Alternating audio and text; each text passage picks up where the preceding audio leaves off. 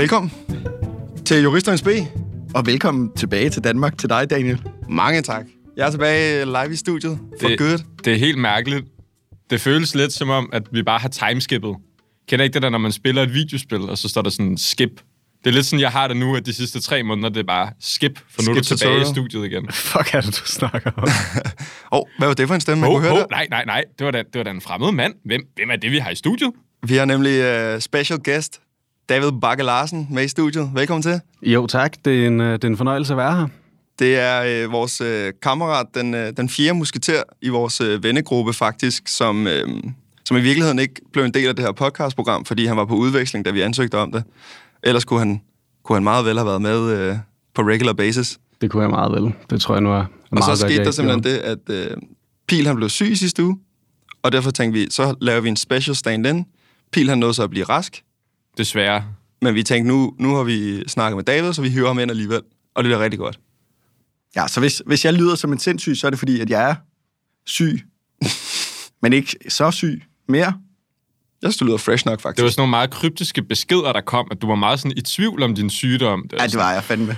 Øh, gutte, jeg har mistet stemmen, jeg er helt knæst, og så dagen efter, ah, men jeg er faktisk i tip-top form, men jeg tror godt, jeg kan være med alligevel, og så en halv time senere, den er helt gal. Ej, jeg kan faktisk godt alligevel. Det har været sådan en meget øh, turbulent sygdomsforhold, du har haft. Men på et tidspunkt blev det også et princip for mig at nå at blive rask, fordi du havde afskrevet mig som syg.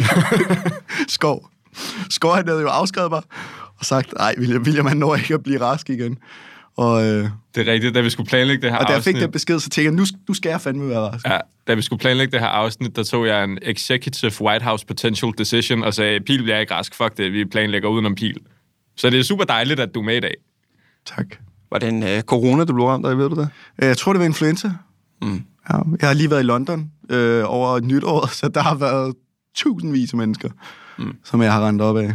Så jeg tænker, det er derfor. Season of Sickness. Ja. Ja, det er major season of sickness. Jamen, øhm, jamen, hvad skal vi snakke om i dag, gutter? Vi skal synes- snakke om lidt forskelligt. Ja, vi skal tale om alt muligt, men jeg tænker, det første, vi skal, det er, at vi skal lige have sat nogle ord på den fjerde musketer. Ja, Jamen, må, må jeg lige øh, skyde ind? Fordi det første, man ser, når man ser dig i dag, det er jo, at du har en trøje på, hvor der står Duke Law.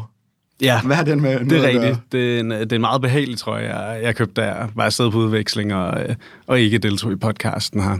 Så den, øh, den har jeg valgt at tage på i dag, bare for lige for at For at være med på quartership-holdet her, her i rummet. Og hvor er det Duke, Duke University? Hvor er det fra?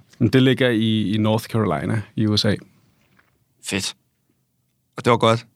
Det var, det var sgu meget fint, ja. Fedt. Det var all right. Jeg er jo også tilbage fra Prag. Jeg ved ikke, om jeg skal sige nogle kommentarer sådan, øh, efter feedback fra mit ophold. Altså, du, vi talte jo lige sammen kort, hvor du var sådan... Dine eksamener var gået godt, ikke? Jo, det var gået rigtig godt. Du er sådan, du er fløjet, altså pass with flying colors. Vi talte lidt om, at du kunne nok godt blive managing partner i Prag nu. Ja, ja. sådan- Opfylder alle kriterierne. Ja, uden tvivl. Altså, sådan, 100%. du kunne godt praktisere derovre nu. Ja. Men det tog jo også lidt en drejning til sidst, dit øh, udvekslingsophold. Du var ligesom hoppet afsted, men der var jo... Øh, Ja, altså det har været alt i alt et forrygende ophold. Det har været ja. Ja. sindssygt fedt at være afsted. Og så var der selvfølgelig lige den øh, øh, bump, at der så lige var et skoleskyderi. Eller hvad er det, du tænker? Var det Ja, det, ja, du tænkte? præcis. Øh, det ved jeg ikke, om vi skal snakke for meget om. Det er sådan lidt sad. Men øh, der var en, øh, en russisk studerende, der læste historie, som følte, han havde et verden og havde sig selv.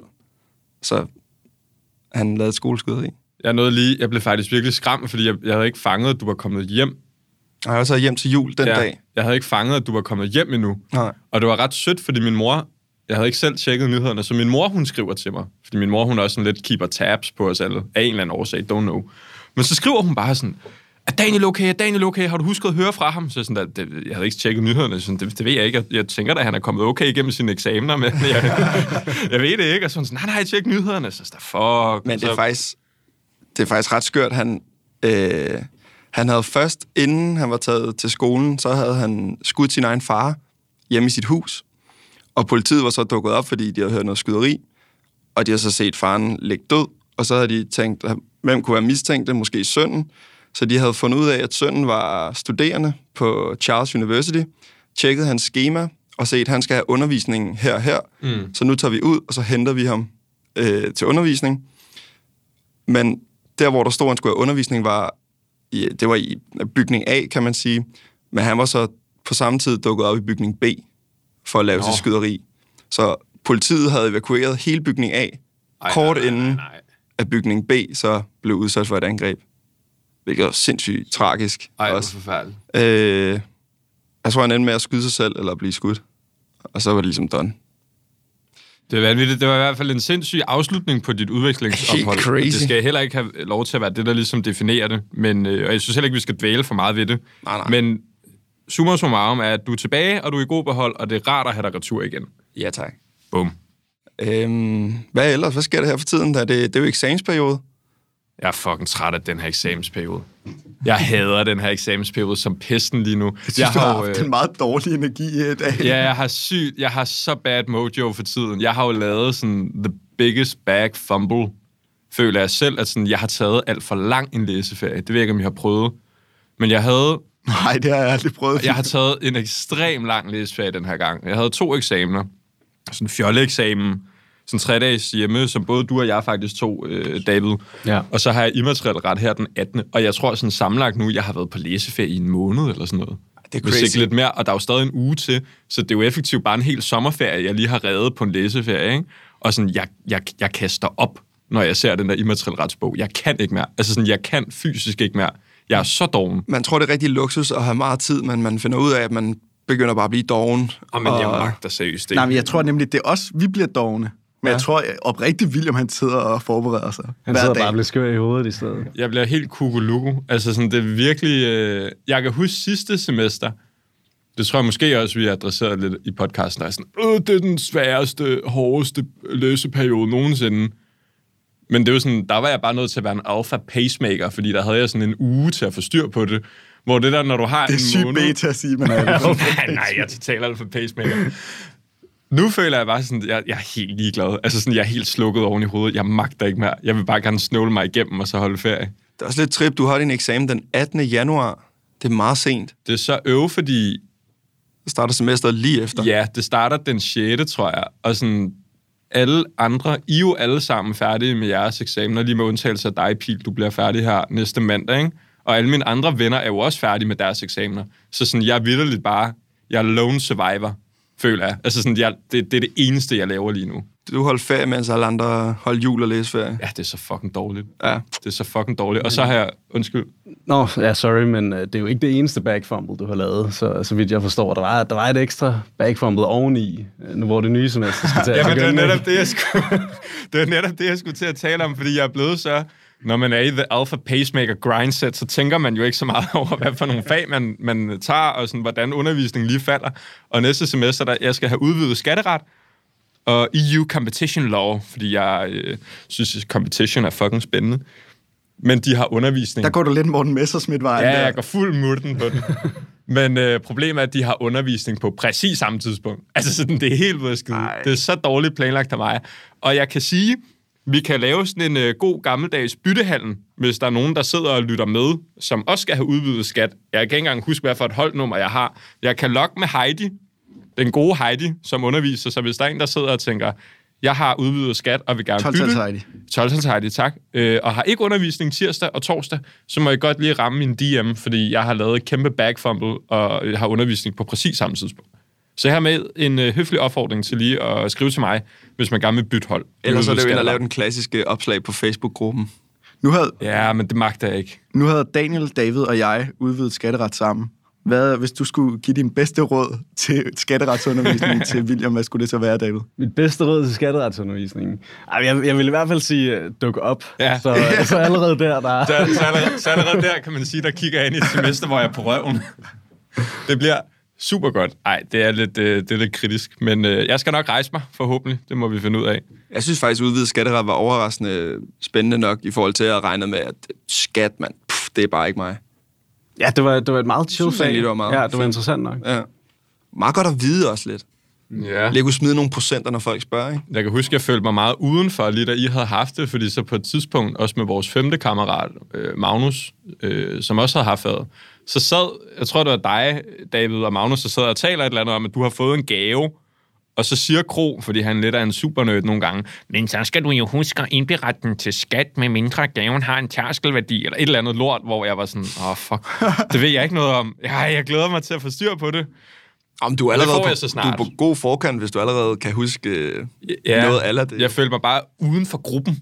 Jeg, jeg kan fortælle, jeg har nogle vilde, vilde, vilde nyheder om faget skatteret. Har du? Men det er fortroligt, så jeg kan ikke fortælle det. Hvad mener du? Altså om udvidet, om udvidet skat, eller bare skatteret? det. Ingen ved det, men det er i hvert fald noget om skat, og det er i hvert fald nogle vilde nyheder, men det kan vi ikke... øh, Kæft, du det lægger en uh, Claus Hjort på folk. Ja. Det gør, det Du ved noget, men du kan simpelthen ikke sige, hvad det er. Nej, desværre. Det er fandme kedeligt. Det er fandme Jeg har, kedeligt. jeg har også skulle vælge fag. Og jeg har virkelig sådan, for første gang føler jeg ægte gået ind i specialiseringsgrenen. Jeg kommer til at have IT-ret, IT-kontraktsret og databeskyttelsesret. så jeg skal bare... Så tre fag, der handler om det samme. Ja, så, så bliver jeg jo ekstra god i det hele jo. Jeg er jo sådan lidt bange på din vegne. Det talte vi også om det her. Jeg tror, du bliver sådan en fucking cave-dueller. Sådan rigtig sådan, uh, drikker monster energidrik, tips for Dora, my lady type beat, når det kun er IT. Altså sådan, du bliver sådan rigtig koder matrix type beat. Jeg kommer til at ligne IT-supporteren. Ja, det kan faktisk godt snart være, at du begynder at drikke mælk, Ja. Når ja, du er til frokost. præcis.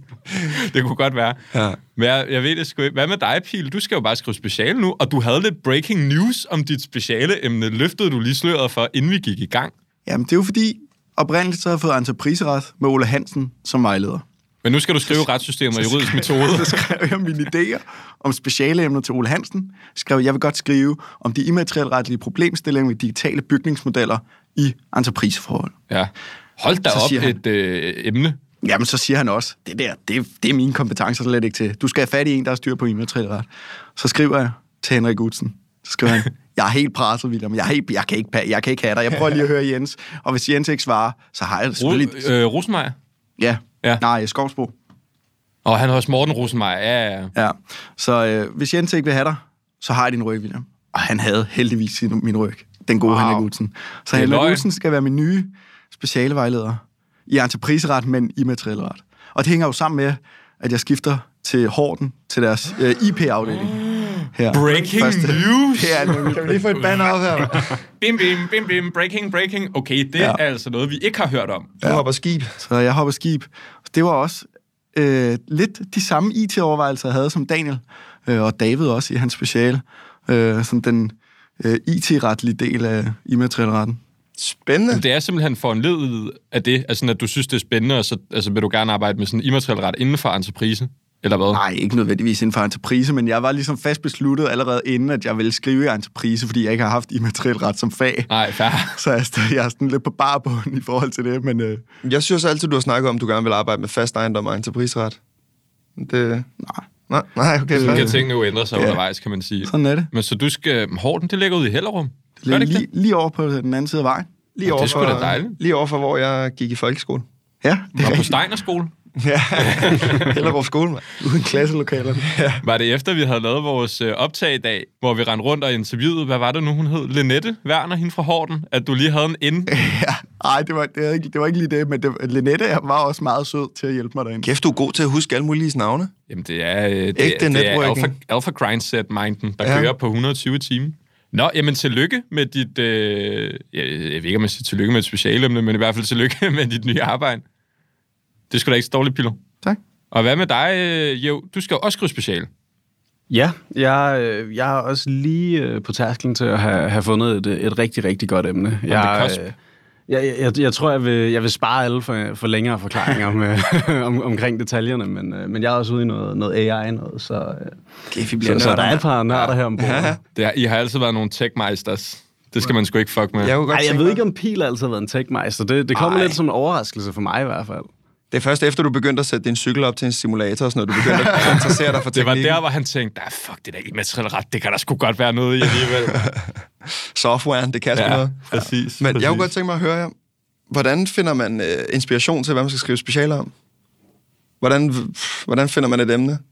Ja, altså for mit vedkommende, der, der har det egentlig bare været noget med at øh, følge nogle forskellige profiler på, på LinkedIn inden for, for de områder, jeg, jeg interesserer mig for. Og så øh, der har jo været rigtig meget snak om, øh, om de her forhandlinger nede i EU omkring AI Act, og, øh, og der kom så en, endelig en eller anden politisk aftale blandt alle de der institutioner, der sidder og forhandler, og læste egentlig bare deres Q&A igennem, og, og så, at der var nogle ret interessante ting. Så bare hoppet på. Hvad med dig, Pil? Jeg har ikke noget at tilføje. Jeg har ikke nogen øh, gode måder at finde det på. Du vågnede bare en morgen og sådan der... Det kom til dig i en drøm, ligesom i sådan det gamle testamente. Nogle af de der fortællinger vågnede bare, ej, det er det her, jeg skal skrive om. at jeg har, jeg har kæmpet så hårdt med at finde et emne. Og så da jeg endelig kom, så tænkte jeg, okay, nu er det panik, nu skal jeg finde, altså jeg skal have noget håndgribeligt, inden jeg går på juleferie, tænkte jeg. Altså et emne. Ja. Og så prøvede jeg bare at skrive tilfældigt til Ole Hansen om det der, jeg havde tænkt på. Og så skrev han bare tilbage, det, det er jeg nok ikke den rigtige til at vejlede i. Og så tænkte jeg bare, pis. Det er faktisk meget fedt, den der, det sgu ikke mig. Bror, du er nødt til, at jeg sender dig sgu videre i teksten nu. Også fordi, at han havde lavet en øh, forskningsartikel om, det er jo nok der, jeg har fundet inspiration. Det må jeg nok sige. Jeg har fundet den igennem Karnov, ikke? hvor der er en masse forskellige artikler, man kan få inspiration i. Skud ud til Karno. Ja. så, så det tror jeg, det er, jeg har fået det igennem. Og så, så troede jeg egentlig, at han også selv kunne vejlede i det, når han har skrevet en forskningsartikel om det. Men, Han, øh, han lavede virkelig en, det er ikke dig, det er mig. ja, ja, ja, det, Det er, vir- det er virkelig en bait and switch. Ja, det er ret fedt at skrive en artikel om noget, og så sige, "Men det har jeg sgu ikke nok indsigt i. det kan jeg sgu ikke, det her. Men føler jeg så trygge i maven nu? Nu har jeg et emne og sådan... Pff, er I gået i gang? Nej. Nej. Nej, nej.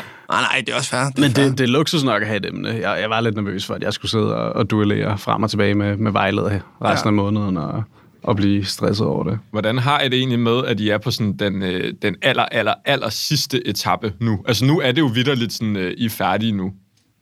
I min, I min optik kunne I jo lige så godt være jurist, så jeg føler, at specialet er bare noget, vi leger.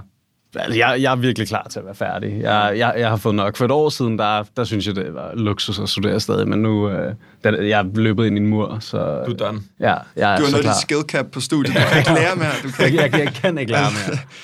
Det er ligesom i Balloons Tower Defense. David, han har alle aberne nu. der er ikke noget at gøre. Jeg, jeg er super monkey. Du har unlocket Superman Superman. monkey. Upgradet til level 3. Den kan ikke mere nu. Shit. Der har jeg det på præcis samme måde som David, bare uden alle aberne.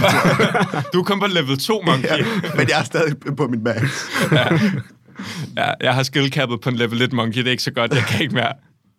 Inden vi går videre, så synes jeg simpelthen lige, der, der skal knyttes en kommentar til noget, som du fandt ud af, Skov. Øh, at du har, det har været sindssygt koldt de her dage, det har jeg nok bemærket. Og der har været rigtig meget sne, ikke så meget i København, Ja, er men rigtigt. særligt i Jylland. Og der, vi har simpelthen fået rapporteret ind, at i Aarhus var der... Vil du måske Jamen, det var fordi, vi sad, som det har nok gået de færreste snes forbi, der har været forfærdeligt snevejr. Og særligt over i øh, Jylland, der har der mildest talt været sådan Ragnarok-stemning, altså sådan winter is coming type beat. Og så, så taler de lige lidt frem og tilbage med nogen over fra Aarhus, og så er de sådan, ja, ja, vores eksamen er blevet aflyst på grund af sneen. Altså, de havde simpelthen den der, øh, de havde fået den omvendte alene hjemmemodel, at de var sådan blevet bedt om ikke at komme til eksamen, fordi de var sådan, at der er for meget sne, I kan ikke komme. Altså sådan, det var stukket helt af for dem. Jeg forstår ikke din reference med Nej, nej, alene det- hjemme. Nej, jeg ved ikke, hvor det lød bedre. sådan er det nogle gange, men summarum- omvendte alene Den omvendte hjemme. alene hjemme. Jeg ved ikke rigtig, hvor jeg vil hen med den. De måtte ikke skulle blive måtte- hjemme, så derfor er det en omvendt. Ja, det er måske bare en alene hjemmemodel. Men det var sådan, der var nogen, de skulle til eksamen. Hvorfor med- alene? Hvorfor er de alene? De var, de var alene med eksamen, men så måtte de ikke alligevel. Jeg ved det ikke, jeg synes bare, den lød fed. Ja. Men så skulle de til eksamen, og så sådan en halv time inden eksamen går i gang, så skriver studieadministrationen bare ud til dem, ja, nej, det kommer ikke til at ske, I kommer ikke til eksamen i dag. Vi har aflyst den, fordi øh, det sner for meget.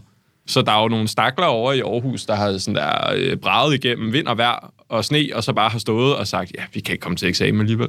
Ægte eksamens blue balls. Men jeg havde lidt sådan en... Øh, det næste, jeg tænkte, det var, er det luksus, eller er det whack at få sin eksamen aflyst på dagen? Det er whack. Jeg vil Whack. trippe super meget, fordi ja. man har ligesom psykisk sat sig op for, at nu skal man ind, nu skal man Ja, fordi det, det var jeg også mest tilbøjelig til at tænke sådan, om, så har man gået en hel dag, dagen for inden og stresset, og bare var sådan, fuck, jeg glæder mig til at være færdig, jeg skal bare ud med det her lort. Og de fik den rykket med sådan noget en uge, tror jeg. Fordi det var sådan et større reorganiseringsprojekt, der ligesom skulle i gang, ikke?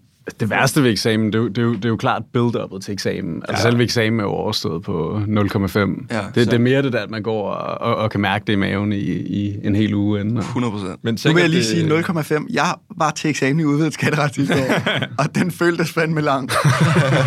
Var det ikke også noget med en dom, du ikke helt kunne huske, eller Jo, et eller andet? Det var slet ikke pensum. Hvad fanden sker der? Der kunne du faktisk godt have brugt den spontant næste år. Der kunne jeg fandme godt have brugt den næste Ja, år. det Det er sjovt, da man var barn, så er det jo sådan noget, man drømte om sådan noget snefri. Ja. Og nu er der faktisk nogle... Sandt. Jeg føler aldrig, det har været en ting nogensinde i, i vores... Og det har det været i Fredensborg. ja, Har det jeg har også Ja, prøvet en gang har- eller to. What? Jeg har aldrig prøvet Jamen, det. det er, når man kommer derud fra ja. landet af. Som det er også, når infrastrukturen ikke er på plads. Så. så er det ligesom noget andet. Så er der ikke noget at gøre. Jeg har aldrig oplevet det. Aldrig nogensinde. Jeg gad egentlig... Jeg kan også synes, det var sådan, at man gik og talte om fucking meget sådan... Åh, måske det er i år, at der er snefri, eller sådan, du ved, hvis der kom de der meldinger om storm eller sådan Man noget. håbede. Og bare, nej, aldrig nogensinde. Men nu er det simpelthen sket i Aarhus. Crazy. Har du, inden vi går videre til næste punkt, har du en teaser for ugens paragraf? Ja, altså man kan jo godt sige, at øh, på nogle måder, så har det, jo- det har jo lige været nytår, Det har det. og der kan det godt gå vildt for sig. Okay. Og man kan, godt, man kan godt få lidt for meget indenbords. og den her paragraf handler på nogle måder også om den situation, hvor man kan få lidt for meget indenbords. Hørt. Så det, det er en lille teaser. Fedt. Og med det, så har vi simpelthen lige fået de øh, aktuelle nyheder og vejrrapporten, og øh, en teaser for øh, UP'en. Lad os gå videre til næste øh, segment.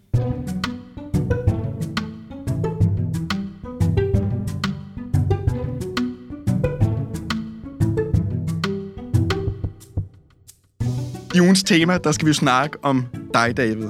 Og grund til, at vi har taget dig med i dag, det er jo ikke fordi, at vi godt kan lide dig, eller fordi du er en god ven. Det er jo fordi, du har klaget super mange gange. Ja. Det er faktisk det, det, er det, der er din berettigelse i dagens podcast-afsnit. Fordi dagens tema, eller afsnittets tema, det er eksamensklager. Ja. Og det sker ja. lidt på et bagtæppe af en artikel, som øh, er publiceret i regi af JD, som egentlig handler om, at den Som vi jo proces... nødvendigvis ikke så godt kan lide på den her podcast, da de spon- ikke sponsorerer os, men en anden podcast fra Ja. ja. News. Ja, men det taler vi ikke mere om. Nej. Men der er blevet udgivet en artikel, som lidt beskriver hele processen med at klage, og jeg synes, man skal have lov til at læse artiklen selv, fordi der er nogle fine pointer gemt øh, imellem, men det, det egentlig kan opsummeres til, det er, at den øh, klageproces, man har adgang til som studerende, er totalt illusorisk. Altså sådan, at det, du, du kan klage, men det betyder egentlig ikke en skid, og så er der nogen, der er sure over nogle forvaltningsretlige regler, der ikke bliver jagtaget, blader, blader, blader. Det vi vil tale om, det er, at det er jo til sydenlandet ikke rigtigt, fordi David, du har jo klaget. Hvor mange gange? Tre gange. Og hvor mange gange har du fået medhold i din klage, David? Tre gange. Bum, okay. så dreams can come true. Så David, tag os lige igennem.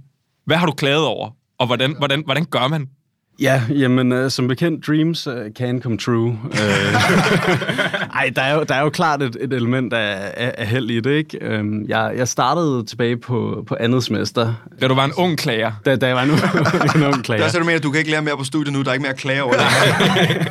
Det er derfor, David, han har ramt sit specialet, Ej, jeg vil sige, når man, når man sidder i eksamenankenævnet, så kommer der nogle gange klager over bachelorprojekter og specialer, og så tænker man bare, røv. David, han har faktisk slet ikke tænkt sig at skrive om AI. Han skriver om eksamensbekendtgørelsens paragraf 36 i sit speciale. Og lige, lige inden du går i gang, David. Vi har jo haft, vi har jo omtalt en mystisk person i vores podcast mange gange, og kaldt øh, den mystiske person for mesterklageren. Ja. Og nu, det er bare lige for at øh, sætte ansigt på navnet.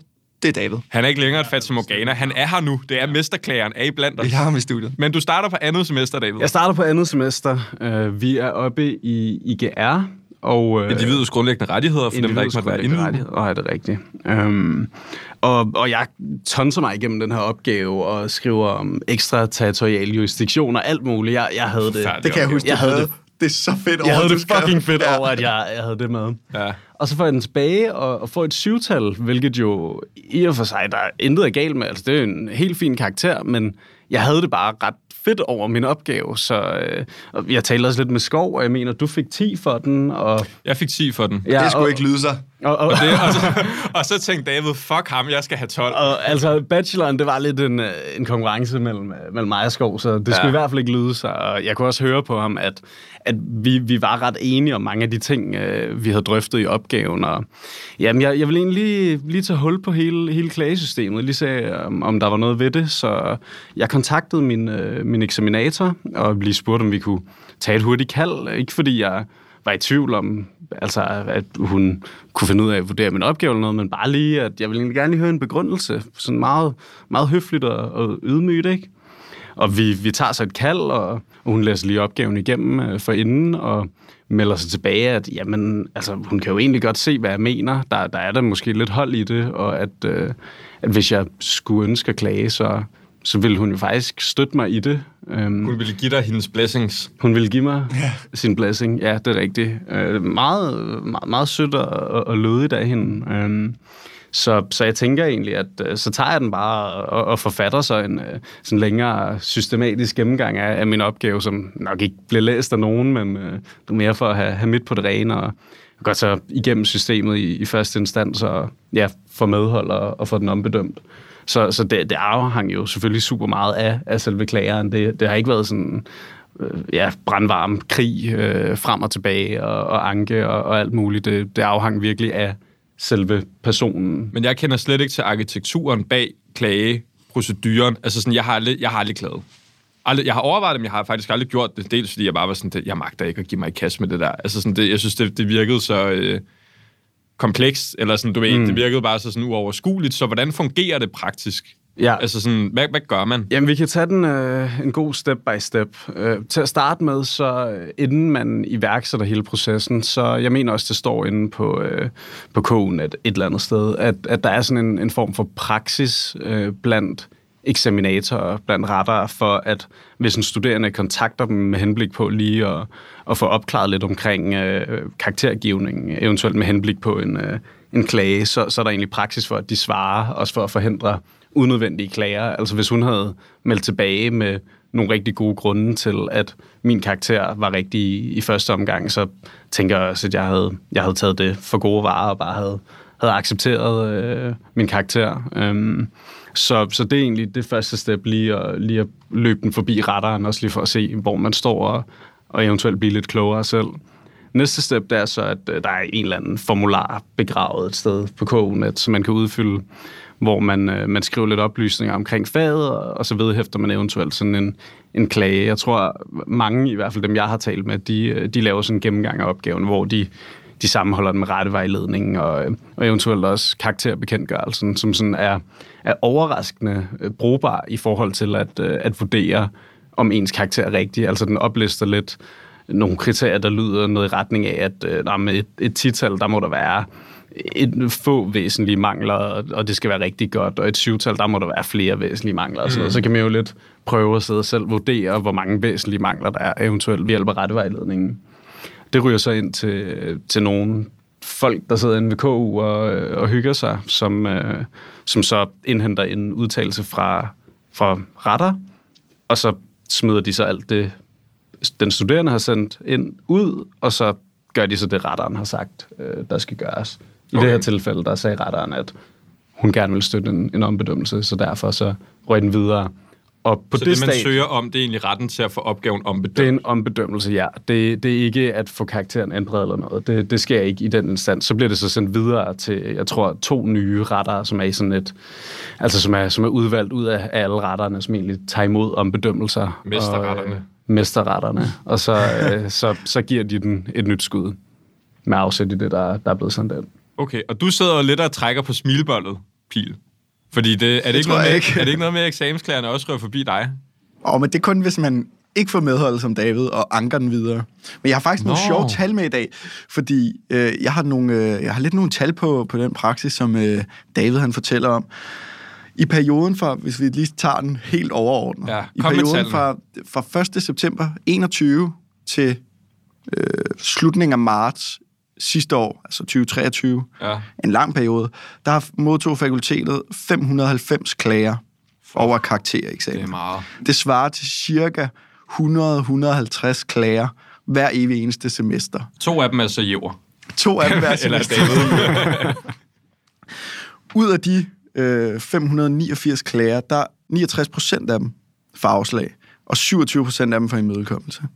Det vil sige, 27 procent af de 589 klager, det er nogen, der får medhold, ligesom David, og så får øh, lov, til en lov til en ombedømmelse. Hvad med de resterende procent? De er vel trukket den tilbage? Eller? Ja, det, det sagde jeg uden afgør. Det er, hvor de bliver trukket tilbage. Nå, okay, ja. okay, okay. Så, og ud af de 27, der så får en ombedømmelse, der er det cirka halvdelen af de 27 procent, som får en anden karakter. Så 27 procent af 500 var meget? 580 jeg eller tror, det er sådan noget 125, 130 eller ja. sådan noget. Så er det måske sådan noget, hvad, 65 eller sådan noget, yeah. 62, Sikker. en halv. Håber ikke, der er halve personer ja. på fakultetet, men en halv, der øh... Altså, det er faktisk ret mange, der får ombedømmelse, synes jeg ikke. Ja. Altså, når man tænker over sådan også det øh, problemet, altså, eller udfordringen, der kan ligge i, at retter godt kan komme til at rette lidt for hurtigt igennem og give en forkert karakter, og så først bagefter se, åh, oh, det var forkert, men så er det kun dem, der får medhold i deres ombedømmelse, og rent faktisk gør noget ud af klagen, som får en anden karakter. Men det er jo sådan lidt en sjov, fordi der er jo noget i det der med, ja, det er da uhensigtsmæssigt, at man sådan lidt uden videre lægger retterens begrundelse til grund, og bare siger, om sådan er det bare. Det, vi kan ikke gøre så meget andet, end det retteren siger. Men i et eller andet omfang giver det da også meget god mening. Altså sådan, prøv at tænke, hvis man bare prøver at tænke, hvor mange ressourcer og hvor mange penge og tid, man ikke skulle poste i alt det der, ja. hvis det faktisk var, hvor meget var det, 560, der bare sådan uden videre skulle have en ombedømmelse. Ja. Fuck, det er mange Ja, timer. ud af dem, der så får afslag, de 69 procent, der får afslag, der er der 95 personer, som har anket deres afgørelse, altså videre til et nyt organ, som så igen skal tage stilling til, er det her, du kommer ind i billedet? Og det er her, jeg kommer ind i billedet. Ja. Det er her, jeg sidder. Det er de 95 personer, jeg Som du har præsenterer. sagt nej til. Og øh, der er ud af de 95 personer, der har 24 af dem fået medhold. Og, og kun syv af de 24 har fået en anden karakter. Så det, man får ret til, det altså man får medhold i retten til ombedømmelse, ja. og så får man måske en ja. anden karakter. Og det er lidt det farlige, der er sket, som jeg også snakkede med David om herinde, det er jo, at før i tiden, der fik man øh, ombedømmerne ens gamle karakter med på vejen. Men det er blevet afskaffet nu, så nu får ombedømmerne en helt blank papir og ens opgave. Og det kan jo godt være lidt farligt i forhold til situationen med at få måske en lavere karakter også. Man skal i hvert fald være lidt mere risikoavers, ikke? Jeg tror da ja. også, at man, man tænker da sådan lidt, at hvis du får karakteren, lad os sige, at der er en studerende, der har fået fire eller syv eller sådan noget, så kigger de jo ikke på det og tænker, "Nå, men så, så sabler jeg dig og giver dig en lavere karakter. Altså, Nej, præcis. Ud af, ud af med lid, ikke med lidenhed, det er ikke det rigtige ord at bruge, men sådan bare ren uh, common sense vil nok sige sådan, vi kan formentlig ikke komme lavere ned, så vi kan kun skubbe dig op. Så det er måske også derfor, der har været det der threshold for, at det har været svært at få lov til at få den ombedømt. Jeg ved ikke, om der er den betragtning om, at man ikke får karakteren mere, så måske også siger, at der, der er et bredere spillerum til overhovedet at få adgang til ombedømmelsen. Jamen, det er vel også bare for at prøve at fjerne eventuel altså bias, som der kunne komme Ja, ja. af det. Altså, jeg føler allerede, det at, det, at den kommer til ombedømmelse, af at den ligesom skal have været backet af den person, der oprindeligt rettede din opgave, mm. er jo allerede på en eller anden måde lidt bias øh, påvirket, fordi så ved man sådan, okay, der er alligevel en dude, som, altså faglederen eller en eller anden, der har rettet den, mm. har faktisk sagt, der måske er noget, og så sidder du som anden retter og sådan der, Nå, men så, så må jeg vel hellere finde det, som de leder efter, som måske er bedre. Mm. Det ved jeg ikke. Jeg har nogle gange tænkt, jeg ved om det er sådan for retterne, når de sidder. Du ved, sådan en retter, jeg ved ikke, hvor mange opgaver de får at rette. 25? 8, altså sådan cirka? Det kommer jo det kommer an på, hvilket Det kommer an på øh, mange det er de ting. store fag på bacheloren. Og Men jeg har nogle fag. gange tænkt, om de bare betragter det som sådan en på hinanden efterfølgende sådan strøm af opgaver, sådan en opgave, bum, den får den her karakter, en anden opgave, bum, den får den her karakter. Eller om det er sådan noget, jeg retter 20 opgaver, så har jeg et helhedsbillede af, hvordan alle opgaverne er faldet ud, og så går jeg tilbage til nogle af opgaverne og laver dem om. Ah, altså for eksempel i dit tilfælde med, med IGR, eller individets grundlæggende rettigheder, hvor du fik syv indledningsvis, mm. så kan det jo godt være, det har jeg nogle gange tænkt over, kan vide, om det er fordi, at din opgave har været en af de første, der er blevet rettet, hvor at bedømmelsen så har været måske lidt til den hårdere side, og når man så kigger på, hvordan fordelingen er på de andre opgaver, og tænker, okay, hmm, så falder de sådan her ud, så kan der jo være meget fint grundlag for ligesom at gå tilbage og sige, men så skal den her opgave faktisk bedømmes højere. Ja. At det er også godt, at der, at der kan ligge en fejl. Det, det kan sagtens tænkes, at, at når jeg så ringer til min retter bagefter, så sidder hun med et, med et andet billede af barn, end da hun rettede min til at starte med. Det kunne sagtens tænkes. Jamen, det, det ved jeg ikke, det har jeg nogle gange tænkt over. Jeg føler også, det, det er super meget en jura-ting at klage. Tror jeg ikke? Altså, jeg Jo. tror ikke, det er sådan noget, alle mulige andre uddannelser, de sidder og faktisk overvejer det som en mulighed, når de får en, en ringe karakter. Jeg tror også, det, det står i, i den der artikel fra JD, at, at jurastuderende er nogle af dem, der, der klager Det, allermest. det gør der. Altså, jeg, jeg, jeg klagede jo over SU, ikke? Og sendte 20 biler af Cortado, og så jeg tænker, på den, på den måde må der jo ligesom være noget om snakken. Men måske det, er også, det kommer også lidt af bare det, som altså, stereotypisk er, at jura er et karakter, altså hvor øh, karaktererne betyder meget for, for din karriere eller whatever. Om de så gør det super meget, det kan man jo så snakke om, men det er i hvert fald... Det er i hvert fald... Det kan øh, godt tanken. fremstå sådan. Ja, man, kan, man kan godt blive tynget af Så folk føler, tanken de har, de har virkelig noget på spil, og det skal bare sidde i skabet, når de så, når de så gør det. Ja. Jeg, jeg føler, altså... Vi har klaget over vores bachelor, men det er det eneste. Og det var også bare lidt af, at vi selv følte sådan, åh kæft mand, det ruller bare. Øhm, men, men ellers, alle andre karakterer føler ofte, at jeg bare har været sådan der, ah, ærligt, de ved jo nok mere end mig. Og jeg, jeg føler også, at jeg lever lidt på sådan en, øh, en karma-tilgang af sådan der, Nå. Ja. der er sikkert også nogle eksamener, hvor jeg har fået en højere karakter, end jeg burde. Og så fuck sådan det. på den måde, så nivellerer det Ja, ligesom præcis. Jeg OK. tænker sådan, at nah, men så er der jo sikkert en... Det kan godt være, at jeg får lavere, end jeg måske har burde, men jeg har sikkert også fået højere, end jeg burde på en anden. Og Ja. så, du ved, i sidste ende, så skal det hele nok even out. Det er sådan en meget wholesome måde at kigge på det på, og være sådan, nej, det, var da- det er sgu okay. Jeg var- jeg, jeg rammer den i jeg smørhullet. det er lever meget en, en sandt. stoisk Ja. ro, altså. Jeg, Jeg er meget støj. Det må man give dig. Men jeg vil sige, hvis, hvis man så klager over, at man har fået afslag på sin karakter, så er det nogle meget, meget kompetente mennesker, som bedømmer, om nu sidder jeg og smiler, fordi det er mig, der sidder der, men det er, også, det er altså også nogle andre meget kompetente mennesker, der sidder. Der sidder blandt andet øh, en søger handelsdommer, øh, som har mange års erfaring med at gøre det, og så sidder der en Sidder der tidligere- en dommer for Søger Handelsretten? Ja, der sidder også den tidligere retspræsident for Søger Hansretten, øh, og så sidder den gode professor i entrepriseret, Ole Hansen, øh, også og sidder og vurderer. Hvorfor fuck er det bare lige Søger Handelsretten, der har trukket 19 og bare har fået, fået at vide, at de skal stille personer til det er det ikke der? nok at lave.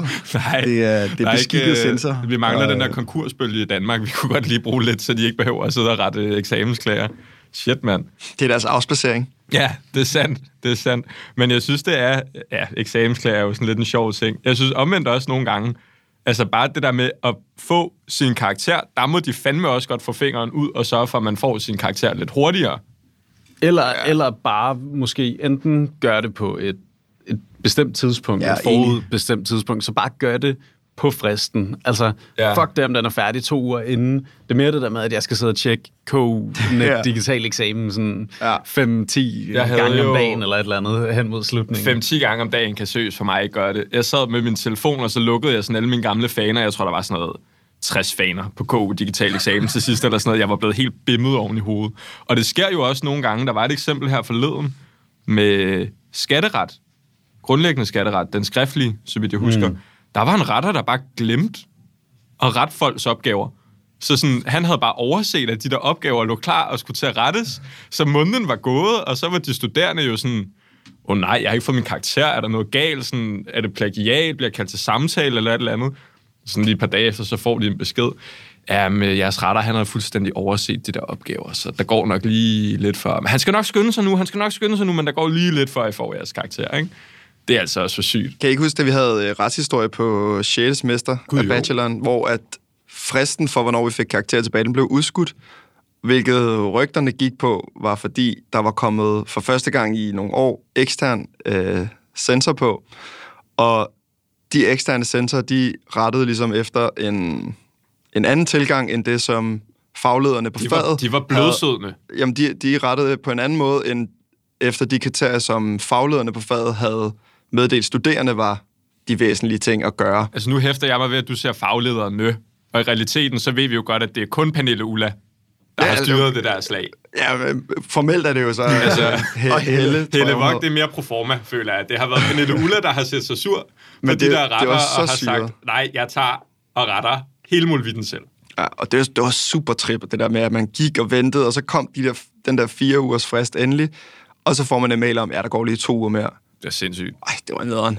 Men skal, skal vi... Og overvej lige, at, at Pernille Ulla og, og hende Helle, de sidder med sådan 200-300 opgaver hver og retter dem. Altså, jeg var sgu da også blevet syg i hovedet. Men jeg øh, føler, det er jo sidst. der, altså i hvert fald Pernille Ulla, hun, hun brænder simpelthen for det. Så for hende, så er det jo bare, så er det som at åbne en bog om aftenen Jo. i sengen og læse, øh, inden man skal Det sove. er en rigtig dårlig bog, gang. Der er to succeskriterier for, at du kan, der er to succeskriterier for, at du kan blive en god jurist, øh, Daniel, ifølge Pernille Ulla. Det er, at du skal kende din retshistorie, så skal du fandme have styr på Excel. Hvis ikke du kan de to ting, så bliver du aldrig en god Sagde jurist. det, eller hvad? Ja, ja. Og jeg fik så at vide, at jeg vil aldrig blive en god jurist, fordi jeg havde retshistorie, og jeg fatter ikke en skid af Excel. Så min fremtid, den ser hård ud.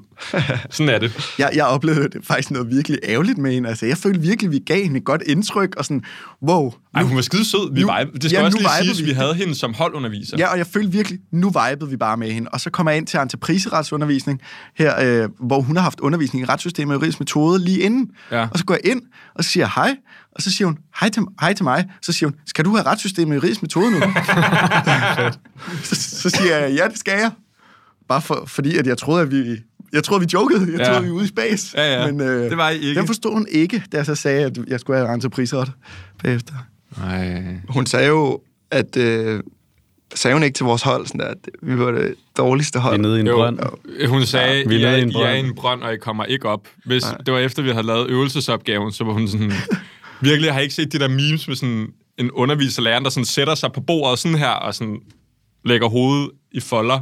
I for, altså, det er sådan en meme, hvor de bare siger, du har Jamen, det fungerer fucking- altid godt, når du tager memes med i Ja, podcast. ja, jeg kan godt se, det oversætter super godt til et lydformat, nemlig. Nej, men hun, hun satte sig, jeg glemmer det aldrig, fordi hun, hun havde altid de der kæmpe kaffekopper. Og så satte hun sig bare op ved pulten der ved smartboardet og kigger ned i jorden, og så hun sådan, i alle mine år, hvor jeg har undervist, har jeg aldrig oplevet så ringe en holdbesvarelse af den her øvelsesopgave. Ja. Og så Det er det sådan, Nå, okay, super. Det var virkelig, det var, det var vildt, hvor, hvor hult det klingede. Altså, fordi folk sad stadig bare og stirrede på hende og jeg var i gang. sorry, jeg, jeg, jeg, du jeg var har i gang ikke med energi at- til at gøre noget ved det. Du, du dungeon rated i WoW. Jeg sad og kiggede på tøj. Der var ingen, der gik op i det. Det var helt godnat. Det var helt godnat. Men øhm, noget, vi synes kunne være lidt sjovt, vi har jo vores øh, special øh, kontakt her i podcasten, øh, professor Grøn, øh, Rasmus Grønved. Øh, og han kommer også til at sidde og rette eksamener, og det, har han gjort, og det kommer han til. Ja. Og vi synes, det kunne være sjovt lige at få hans input på det. Så øhm, Vi vil godt have meisterens... vi har faktisk tænkt os at ringe ham op øh, nu. Så øh, det gør vi. Om han ved det eller ej.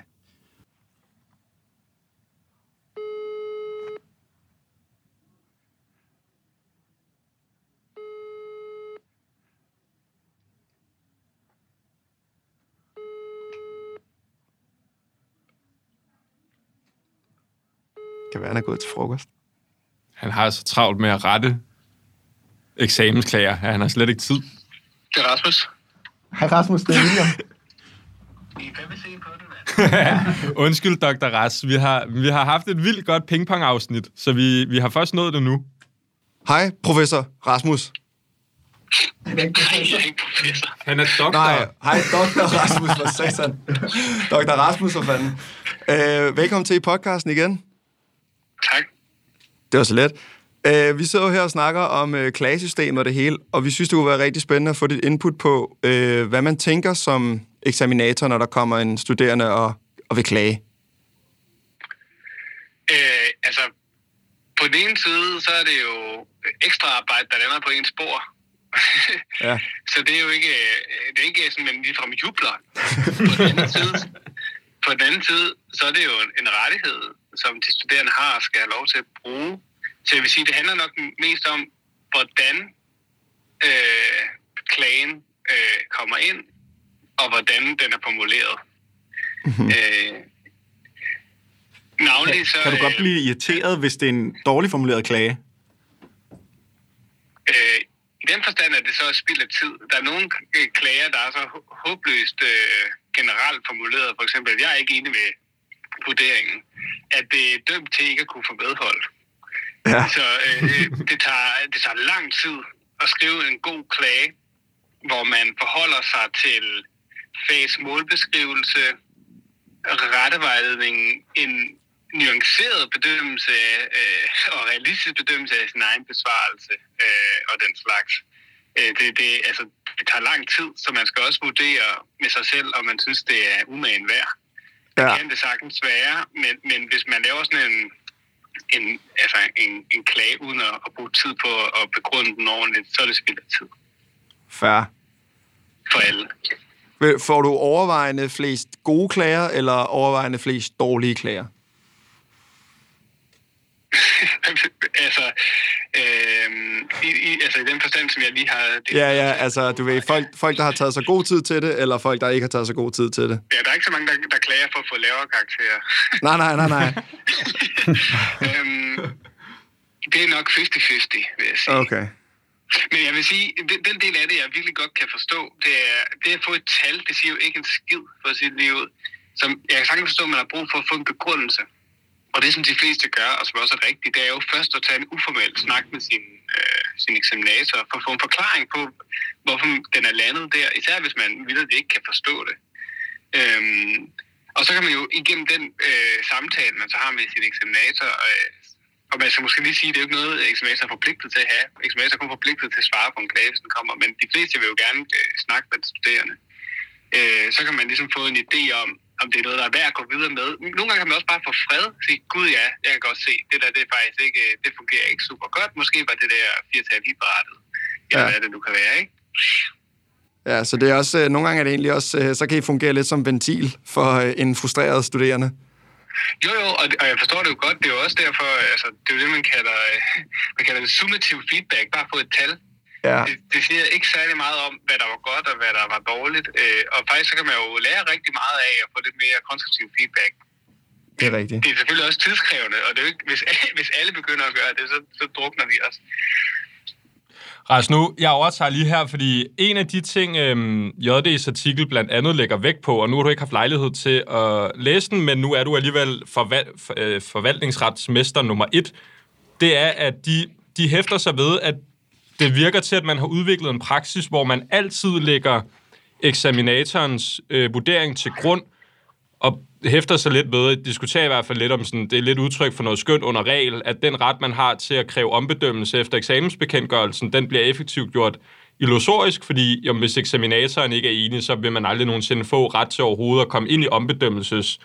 Øh, processen. og sådan, hvad, hvad tænker du om det? Fordi noget af det, vi har drøftet lidt frem og tilbage, det er jo også sådan lidt, jo men, altså sådan rent forvaltningsretsmæssigt, så kan det jo godt være uhensigtsmæssigt, men det må jo alt andet lige være eksaminatoren, der også er nærmest til at vurdere, om, om der er belæg for, at du skal have en anden karakter. Mm-hmm. Ja, Så sådan, det er hvordan... spørgsmålet. Altså, ja, det, det er også et, øh, det er sådan mere... Altså, synes du, det system, man har nu, fungerer godt, når man altid bare lægger eksaminatorens bedømmelse til grund? Det virker det jo lidt til, at man gør. Øh, nu har jeg ikke læst artiklen, men jeg tror, det er faktuelt forkert, at man altid lægger eksaminatorens øh, vurdering til grund. Mm. Man skal også huske på, at i nogle tilfælde, så er det jo både en eksaminator og en sensor. Så der er også der er jo flere involveret, ikke? Øh, og, og jeg har flere eksempler på, det kan godt være, at i alle dem, hvor, man, hvor eksaminatoren kommer frem til, at den skal stadfæstes, ikke? eller der ikke, man ikke skal have medhold, at i langt de fleste tilfælde, så, så er det også det, der ender med på resultatet. Men jeg har været Øh, øh, jeg ved positivt, at der er flere eksempler på, netop at et eksaminator og en siger, okay, den der, den må faktisk godt få en ombedømmelse, eller der var vi måske lidt hårdere. Og i realiteten er der også eksempler på, jo, og det er ikke kun en teoretisk ting, at man kan få en ringere karakter ved klage. Det er det, der hedder reformatio impius, ikke, hvis man kan huske sin forvaltningsret. Ja, selvfølgelig. Det er klart. Den er frisk, frisk på nethinden. Simpelthen. Men er der ikke også noget i, at, sådan, at det vil være bedre for trivselsmiljøet på studiet, hvis man måske fik sådan et, ikke nødvendigvis mere adgang til at klage eller få ombedømmelse, men fik noget mere udførlig feedback på de karakterer, man så fik? Altså nu nævner du det her med summarisk bedømmelse. Du får vidderligt bare tal, og det er svært at forholde sig til det. Så kunne man ikke, ville det ikke være ønskeligt at få noget mere transparens omkring, hvordan er bedømmelsen så foretaget, og hvad er det, der ligger til grund for den karakter, jeg får? Men, men, men det er jo sådan noget, man kan... Det er jo derfor, vi har en rettevejledning og en målbeskrivelse, og, og det er også derfor, at det, man får masser af konstruktiv feedback, hvis man husker at aflevere sine øvelsesopgaver, ikke? og det skal man jo for søren huske at gøre. så det er jo ikke fordi, at eksamen kan, kan stå øh, for sig selv. Det er jo afslutningen på et helt forløb. Øhm, og det er, altså også, det er også et faktum, øh, at der er en klagekultur blandt jurastuderende, som man ikke kender med til i de andre fakulteter. Og det er jo nok også fordi, man er bevidst om sine rettigheder og sådan nogle ting. Øh, men jeg er ikke helt sikker på, at jeg synes nødvendigvis, at, der, at, at, at der er så stort et problem øh, i, i den forbindelse, fordi eksamen er jo bare en lille brøkdel af hele undervisningsforløbet. Selvfølgelig er det det vigtigste måske for den studerende, Mm. mm. men man har jo, hvis man har, har gået til undervisning, og man har afleveret sine opgaver og sådan noget, så har man jo fået masser af konstruktiv feedback. Og man kan som sagt kontakte sin eksaminator, og man kan klage, hvis man har behov for at få øh, en, en yderligere begrundelse. Det var nogle vise ord. Jeg tror, vi vil lade det være ved det. Ja, tusind tak, Rasmus, for, øh, for dit input. Det var faktisk øh, det var virkelig indsigtsfuldt, så tusind tak. Og sorry for, at jeg kaldte dig øh, professor. Det var min fejl. Øhm, og tak, fordi I måtte forstyrre. Wish. Så nu skal du tage forvaltningsret igen, Ja, det- fordi du er disgraced. Men øh, tusind tak, fordi vi måtte ringe og forstyrre. Det var virkelig fedt. Selv tak, vi ses. Hej. Vi ses. Hej. Det var simpelthen ordene fra øh, doktor. Og med det tror jeg også, vi har øh, afdanket klagesystemet nu. Jeg tror, vi har fået talt øh, både om, rundt om, ovenover og nedenfor om klagesystemet. Så Og det vi kan at konstatere, komme, det var øh, bare, David havde ret i alt, hvad han David, sagde. David havde ret i alt, han sagde. Det er fandme lækkert lige at blive, lige, blive vindicated her. Preach by the dog. I dag. Ja, fair. Vi hopper videre til ugens paragraf.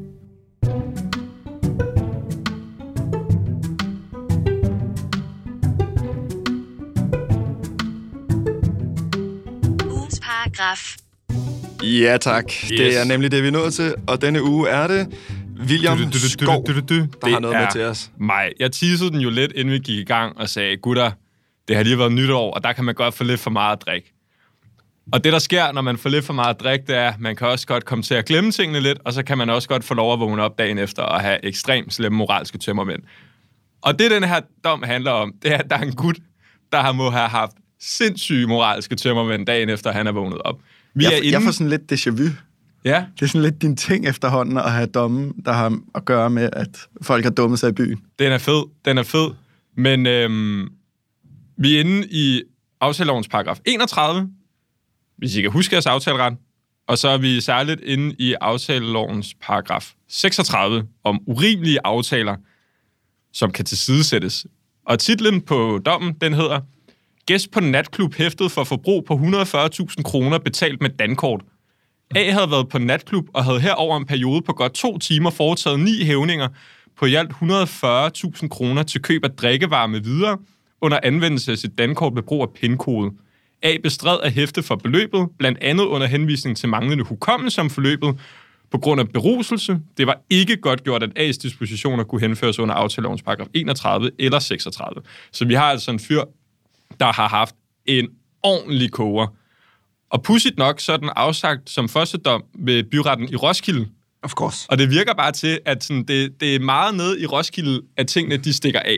Og det sjove ved dommen, det er ikke så meget dens resultat, fordi det kunne man vel næsten lidt sige sig selv, men det er meget om oplysningerne i sagen, apropos, øh, og hvad parterne har forklaret.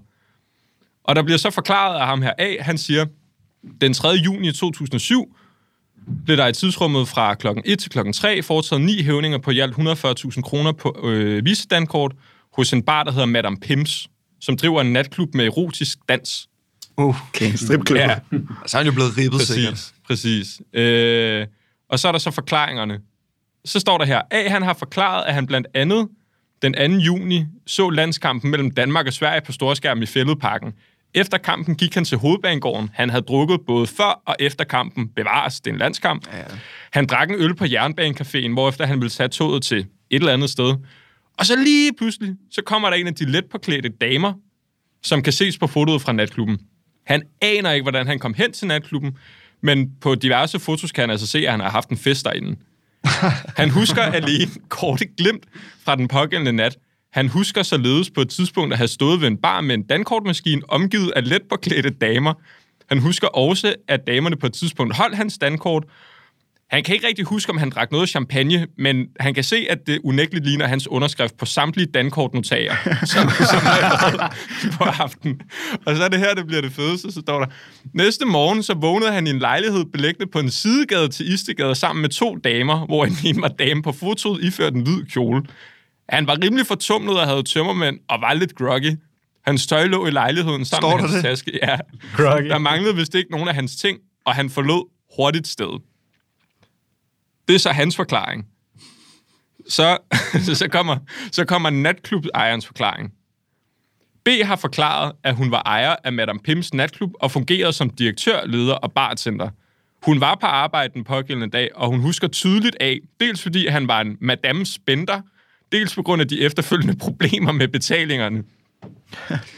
Øh, hun modtog samtlige dankortbetalinger og noterede løbende på dankortnotererne, hvad pengene blev brugt til, herunder om der blev købt drikkevarer, hed kontanter til pigerne eller givet drikkepenge.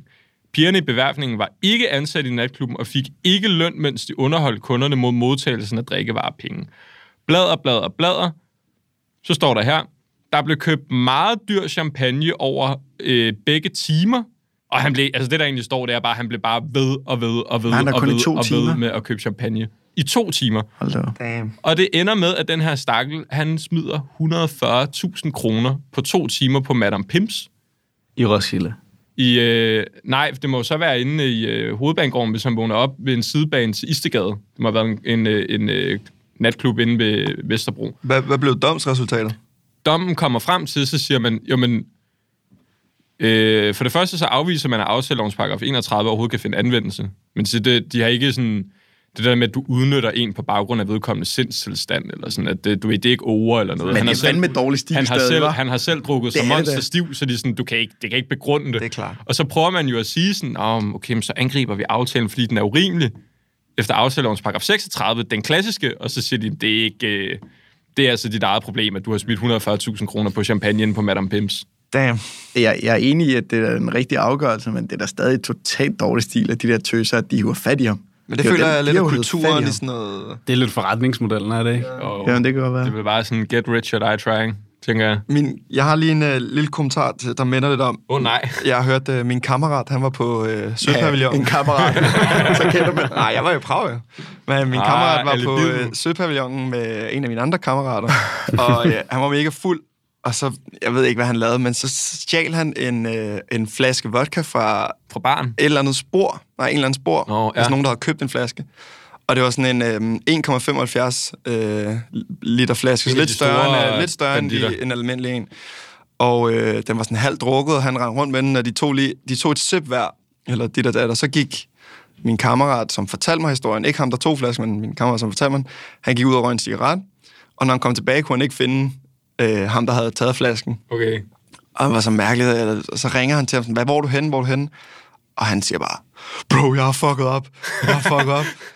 og så, siger han, så møder de hinanden, og så havde de fundet ham, set ham på overvågningskameraerne, tage den der flaske, så øh, de har taget fat i ham, og taget flasken og sagt, øh, enten så betaler du for det lige nu, eller vi ringer til politiet. Og så var han jo sådan der, "Nå, så, så betaler jeg jeg betale. Og så fik han en regning på 4.500 for flasken, og 500 for servicegebyr. Og så var det ellers bare hjem. Nej, Klassisk nej, nej. servicegebyr. For så Nej. han med at bruge 5.000 på at tage en tår vodka af en flaske, der ikke Det virker jo helt bimmet. Har, er det så dem, der har købt flasken oprindeligt, der har fået pengene, eller har Søpavillonen bare tænkt, Nej, det fuck, tror jeg vi ikke. kører dobbelt op? hans. Jeg tror bare, de har tjent på det. Det er bare sådan, Ren vand, det er seriøst, det, det er double it and give it to the next person.